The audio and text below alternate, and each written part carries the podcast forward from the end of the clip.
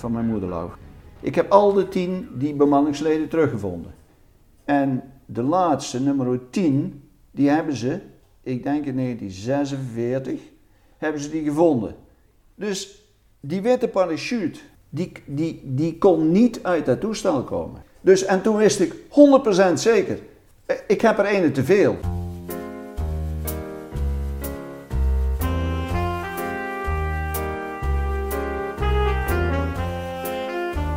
Nummer 11 noemde ik het. Dit is aflevering 2 van het mysterie van de elfde man. In de vorige aflevering hoorden we hoe Cor Vervoort op zoek ging naar een parachutist. Een militair waar zijn moeder Anna zich haar hele leven zorgen over had gemaakt. Wij volgen zijn onderzoek. Wat weten we tot zover? Op 20 oktober 1943 schoten de Duitsers een B-17 bommenwerper uit de lucht. Die crashte in Eerde. Anna zag een parachutist neerkomen in een boom. En toen boeren hem wilden redden, was hij spoorloos verdwenen.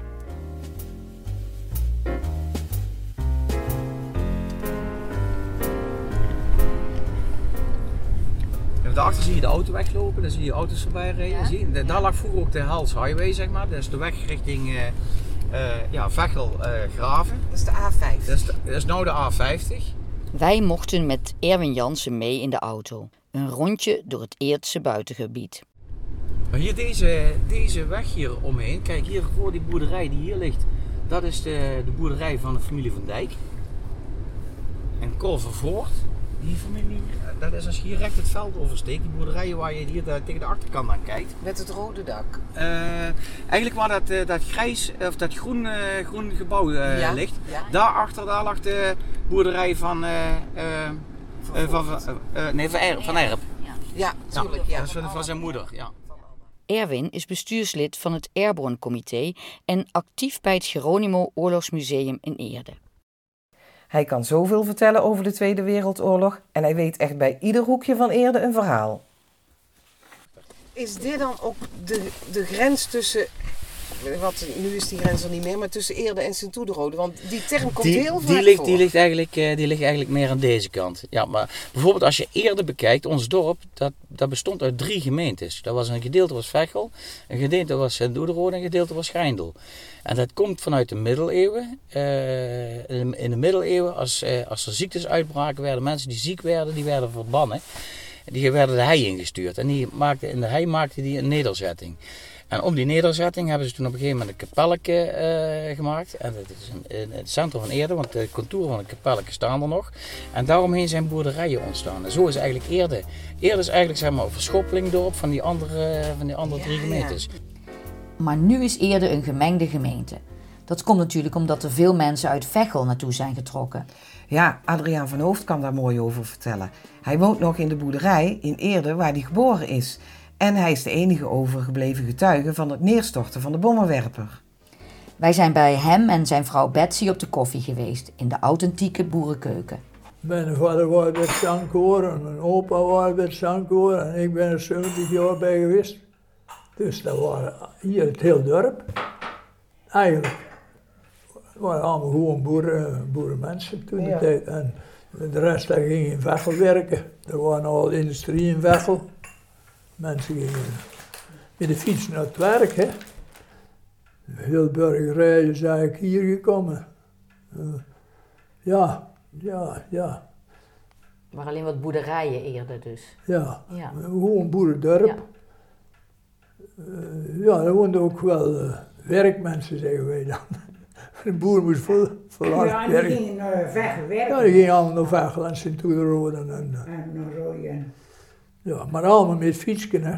Nou zijn het allemaal auto's. Ja. In 1943 was Adriaan pas acht. Was hij bang als kind? Ja. Ja, die hebben schrik. We, Ja. we, we hadden zeker schrik. Ja. Maar daar weet ik eigenlijk niet veel meer van. Ik kan niet zeggen dat we zo'n schrik gehad Ja, maar wij Maar waren het wel. Ja. Ja, ik was ook acht jaar.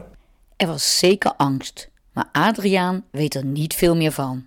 S'nachts kroop er heel de buurt bij elkaar als die vliegtuigen overkwamen. Hè. Heel de buurt, die had schrik. En dan waren er heel de tent als je zaten, was een zo groot als hier de keuken. Er was een wolk rook.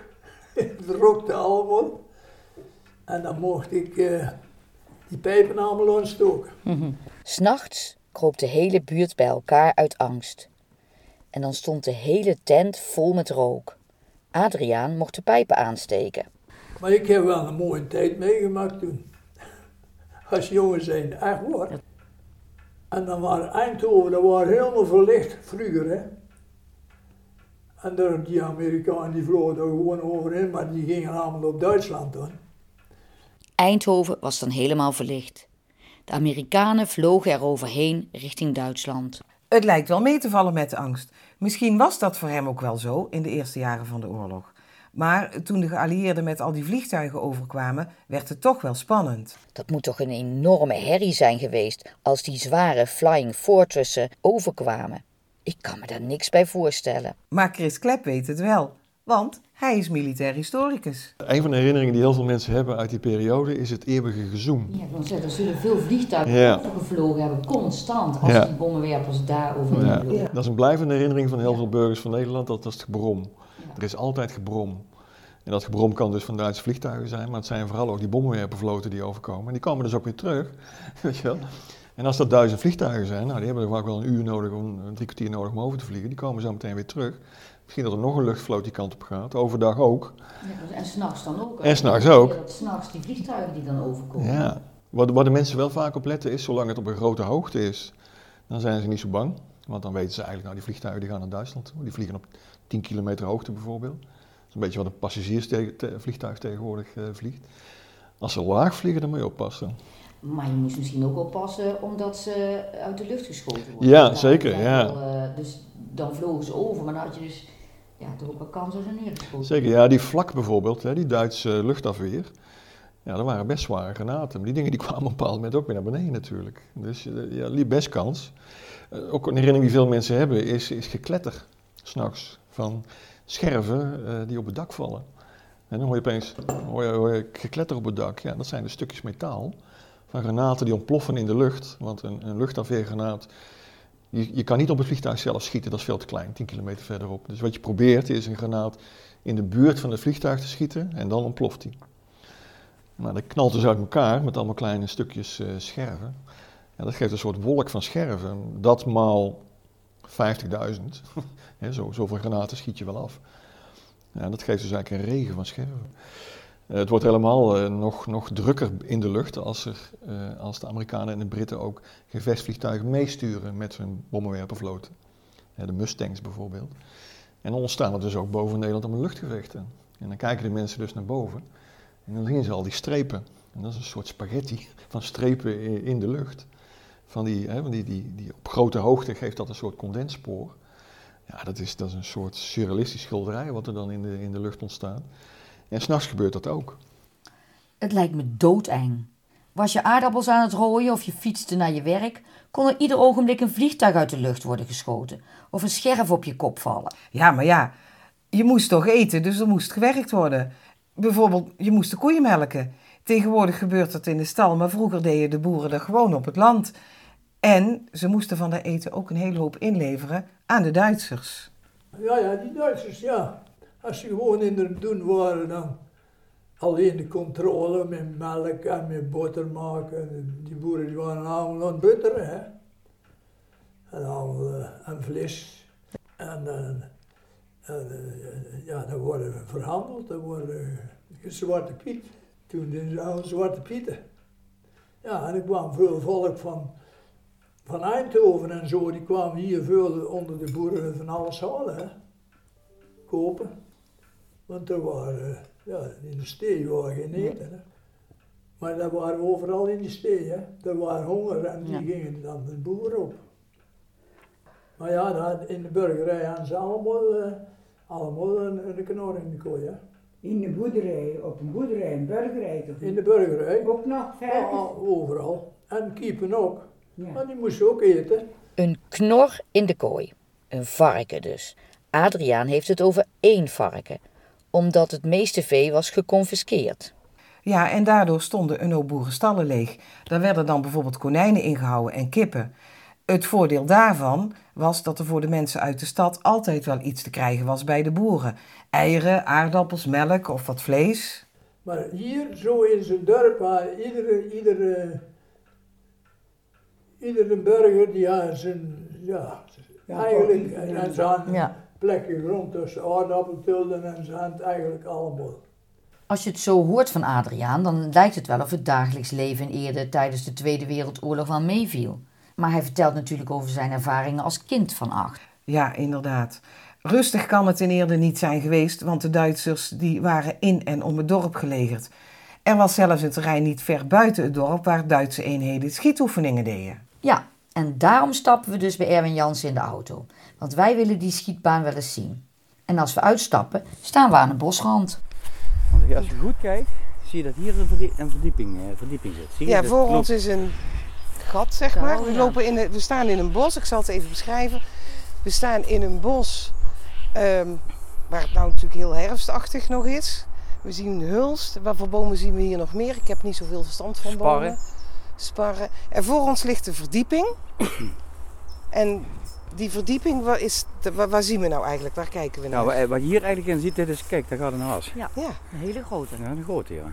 Dit, eh, die bak, eh, of die, die verdieping die je hier ziet, dat is eigenlijk zeg maar een bak, een, ver- een verdieping in het landschap, wat vroeger afgetimmerd was met, eh, met een beschoeiing, dus eh, met planken en palen. Eh, zodat eigenlijk zeg maar de militairen die hier schietoefening hielden, eigenlijk zeg maar onder het maaivlak liggen, daarachter gaat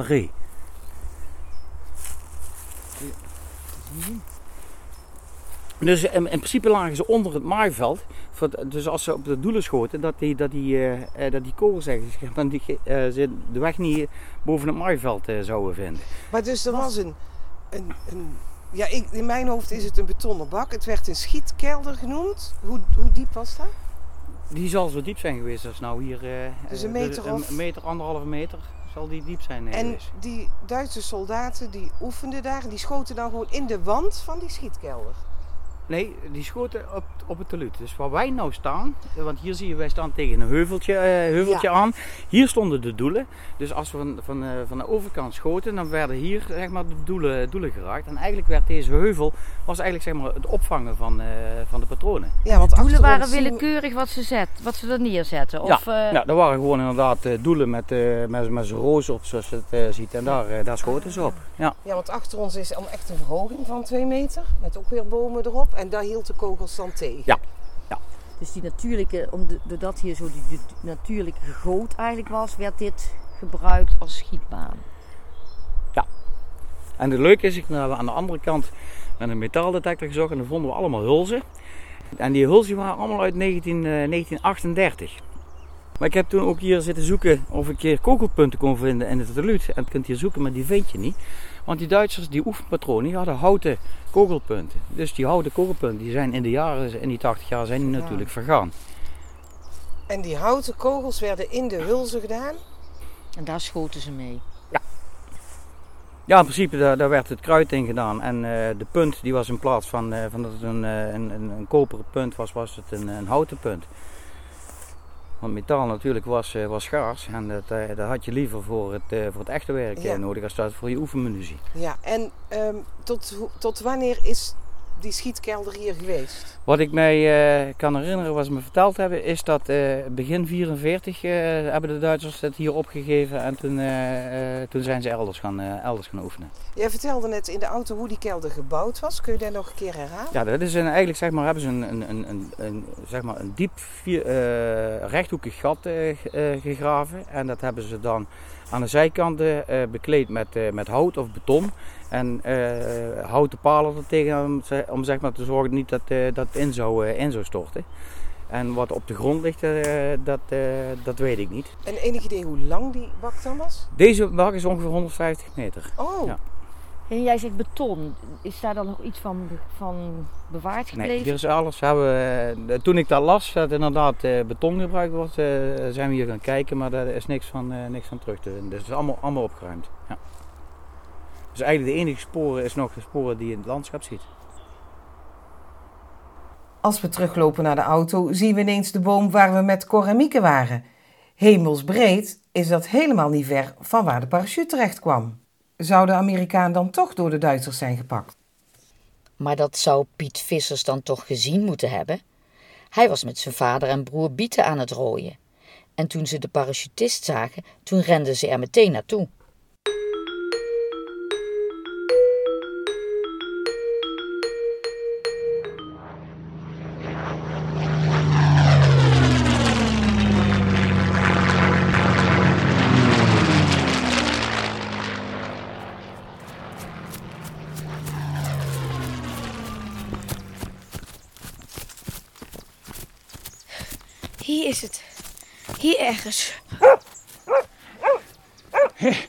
Herta, rustig.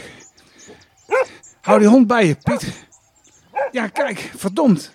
Daar hangt een parachute. En hier ligt een, ja, wat is het? Een pilotenjek. Krijg nou wat. Er liggen ook een paar lazen. Ja, maar geen mens te zien verder. Nee, hij is verdwenen, denk ik. Dat is wel raar. Ja, nou, die heeft zich wel heel snel uit de voeten gemaakt. Ik hou die parachute uit de boom. Ik denk dat ons man wel heel erg blij zou zijn met al dat stof. Is goed, maar Piet, kijk je wel uit, jongen. Hij hangt nogal hoog. Eitje, pap.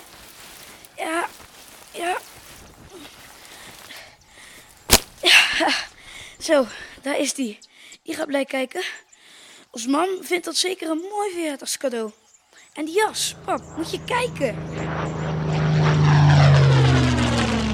Onder u. Vliegtuigen. Liggen, liggen, liggen. Ze gaan schieten. Ze zoeken piloot waarschijnlijk. Kijk, die Jan daar ginds. Die, die graaft een schuttersputje met zijn blote handen. Oh, oh nee, de moffen. Snel, stop die. Ja, te laat, jongen. Ze hebben ons al gezien. Oh nee, rennen pap. Nee, nee, nee, niet doen. Ze schieten je gerust van achter neer, die Duitse klootzakken. Gewoon rustig blijven staan. Rustig, rustig maar, jongen. Rustig, rustig. Was soll das? Was ist das? Ein Fallschirm? Hier! Ja, geef nou maar, jongen.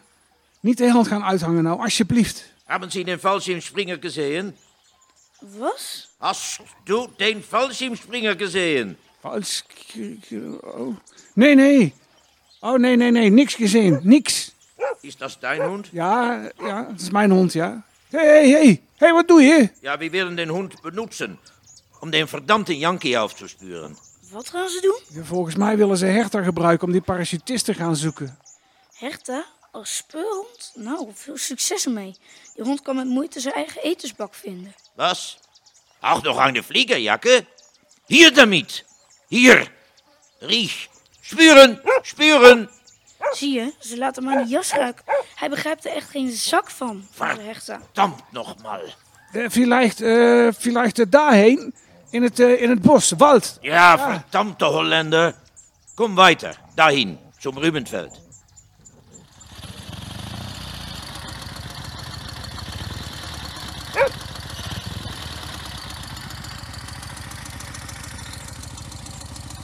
Ze rijden naar het bietenveld. Nou, daar komen ze mooi niet doorheen met die motoren. Dat wordt zeker weten wandelen. Ja, ja, ja. Maar waar is die Jenk gebleven? Het lijkt wel of die in rook is opgegaan. Dat zou wel het beste zijn. Die Duitsers zijn met heel veel en die gaan never opgeven. Nou, vuile moffen. Ik hoop dat hij het redt. Ik hoop echt dat hij het redt.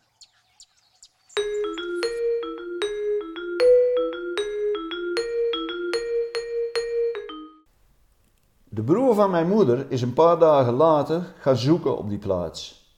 En die heeft een tweede jas gevonden. En die heeft hij mee naar huis genomen. Mijn opa die was helemaal over, over, over de emmer, om het zo maar te zeggen.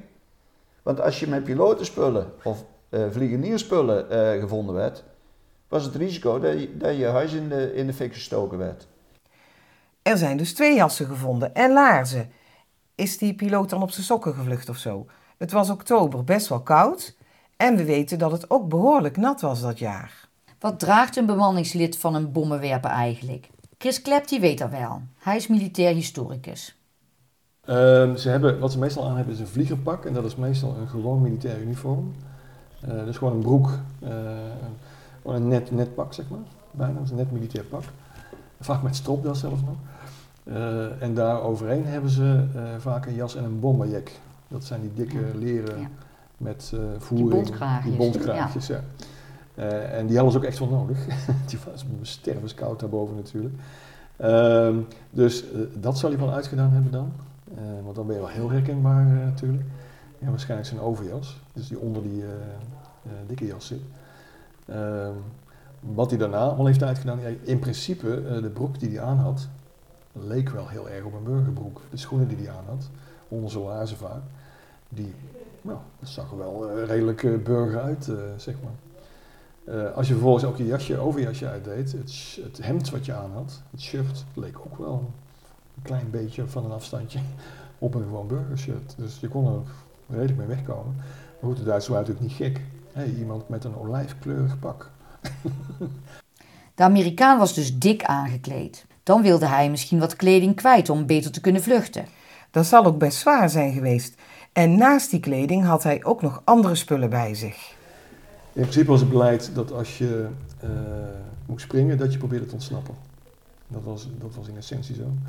Eh, je kreeg ook hulppakketjes mee, dus je had, iedereen had een soort van ontsnappingskit bij zich. Een eerste hulpkit, maar ook geld bijvoorbeeld.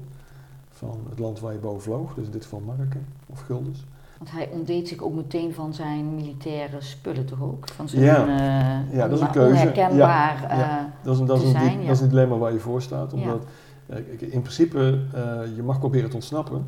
Maar zolang je je militaire uniform aan hebt, heb je recht op bescherming. Ja, dan dat, daarom... Precies, dus dat is een dilemma. Ik bedoel, ja, ik, ik doe mijn militaire uniform uit, want ik, ik word nu een burger, tussen aanhalingstekens. En dan kan ik makkelijker ontsnappen.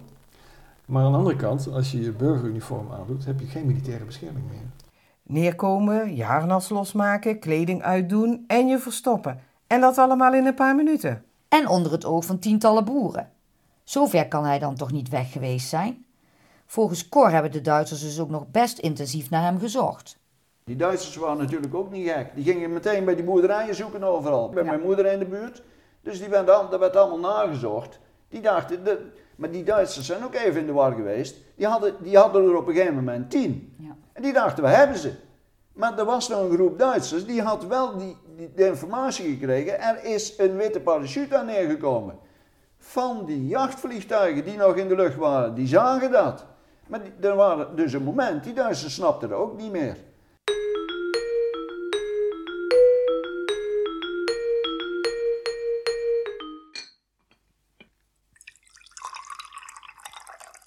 Wat een toestand daar, Jan, met die moffen. Ja, zeg dat wel. Dat had ook heel goed helemaal fout kunnen aflopen. Hè? Ik kneep hem als een oude dief. Ze hebben jullie herten toch ook proberen in te zetten, toch? Ja, ja, zeker. Arme beest had helemaal geen idee. Misschien dachten ze omdat het een Duitse herder was. ja. Ja, ach, kan het arme beest ook niks aan doen? Even zo goed wel jammer, hè, van die parachute. Ja, ja, ja. En die pilotenjas mochten we ook niet houden natuurlijk. Hebben jullie eigenlijk nog gezien of ze hem te pakken hebben gekregen, die piloot? Nee, nee. Nee, niks gezien, maar ik denk het niet hoor. Anders hadden we dat wel gezien. Ze zijn dwars door het bietenveld naar de bosrand gerend. Maar daar zijn ze uren bezig geweest. Wij hebben ook niets meer gezien, Anna. Nee, nee, niks meer. Het is een raadsel. Waar kan hij nou gebleven zijn? Ach, die arme man. Misschien heeft iemand uit het dorp hem geholpen. Ja, er zijn er hier in Eerde wel die dat doen hoor, heb ik gehoord. Ja, ja, ja. Maar er zijn er ook die aan de verkeerde kant staan, Jan. Die zijn er ook, hè? Ah, die houden er eigenlijk wel gedijst. Als die Jenk hier ergens opduikt, dan durven ze hem echt niet aan te geven. Hoor. Dan kunnen ze een lelijke kop hier nergens meer laten zien.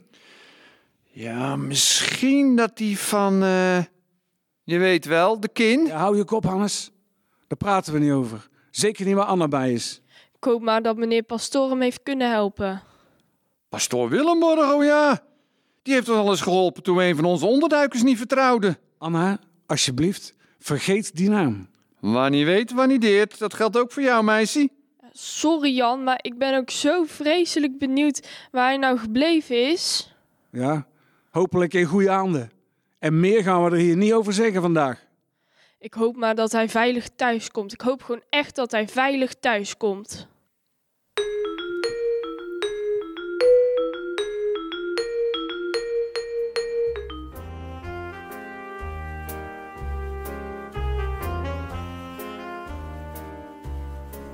En toen had ze ook altijd het verhaal, die Amerikaan die was, die, die was verdwenen. We hebben hem niet gezien. Niemand heeft hem gezien. hij, hij was meteen weg. Want natuurlijk, die, die boeren die moesten wel een paar minuten lopen, maar dat was sensatie. Dus wanneer één man dat ziet, en die boeren waren deels nog in het veld, ja, die renden daar allemaal naartoe. En toen eh, vroeg ze zich altijd af, wat zou er van die man eh, geworden zijn? Zou hij veilig thuisgekomen zijn?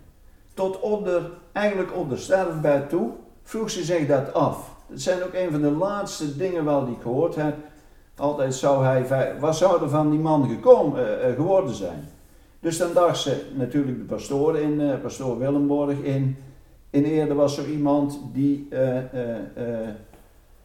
militairen hielp, geallieerde militairen. En er waren ook twee mensen in het verzet in Eerde. Die, en dan dacht mijn moeder altijd, die, die mensen hebben die Amerikaan, want ze noemen hem altijd een Amerikaan, waarom dat weet ik niet.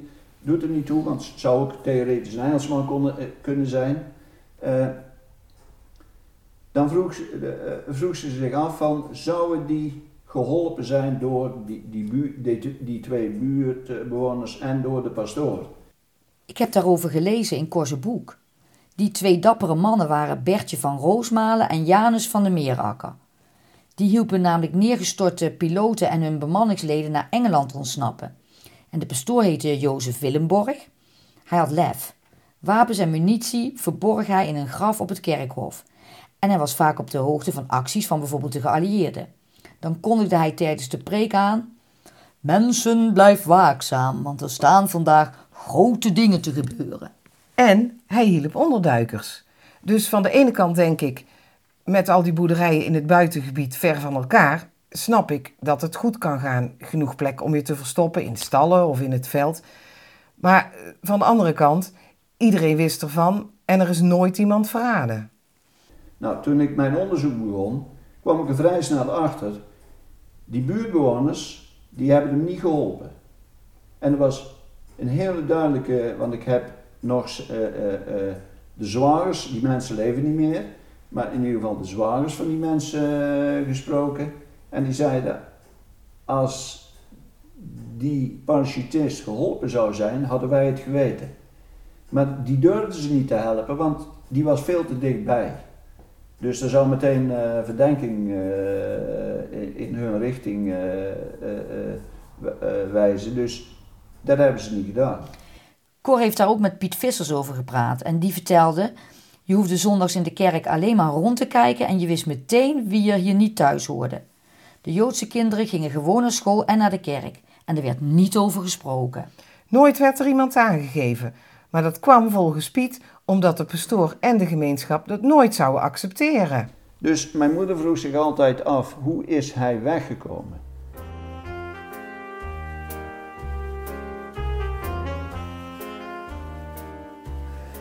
In principe was het beleid dat als je uh, moest springen, dat je probeerde te ontsnappen. Dat was, dat was in essentie zo. Uh, en je kreeg opdracht om zo snel mogelijk contact te leggen met de lokale verzet, als dat boven Nederland of Frankrijk of uh, België was.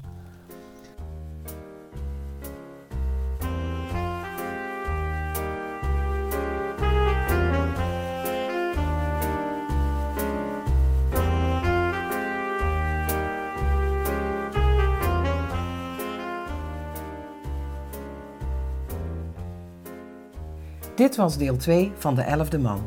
Deze audioproductie is gemaakt door podcastcollectief Talut. Met dank aan de gemeente Meijerij Stad, Omroep Meijerij en het Fonds voor Cultuurparticipatie. Het hoorspel werd geschreven door René Verdiezen. De stemmen in deze aflevering zijn van Egbert de Flines, Suus van Dort, René Verdiezen, Herman Borra en Stino Huidman. Verder hoorde u in deze aflevering schrijver Cor Vervoort, Mieke Vervoort, militair historicus Chris Klep, ooggetuige Adriaan van Hoofd en zijn vrouw Betsy en Erwin Jansen. Verdere medewerking kwam van inspirator Casper Hoenderdos en journaliste Nienke Habraken, die onze teksten tegenlazen. Cor Vervoort schreef het boek Sodom Gomorra, waarin het verhaal van de elfde man staat beschreven.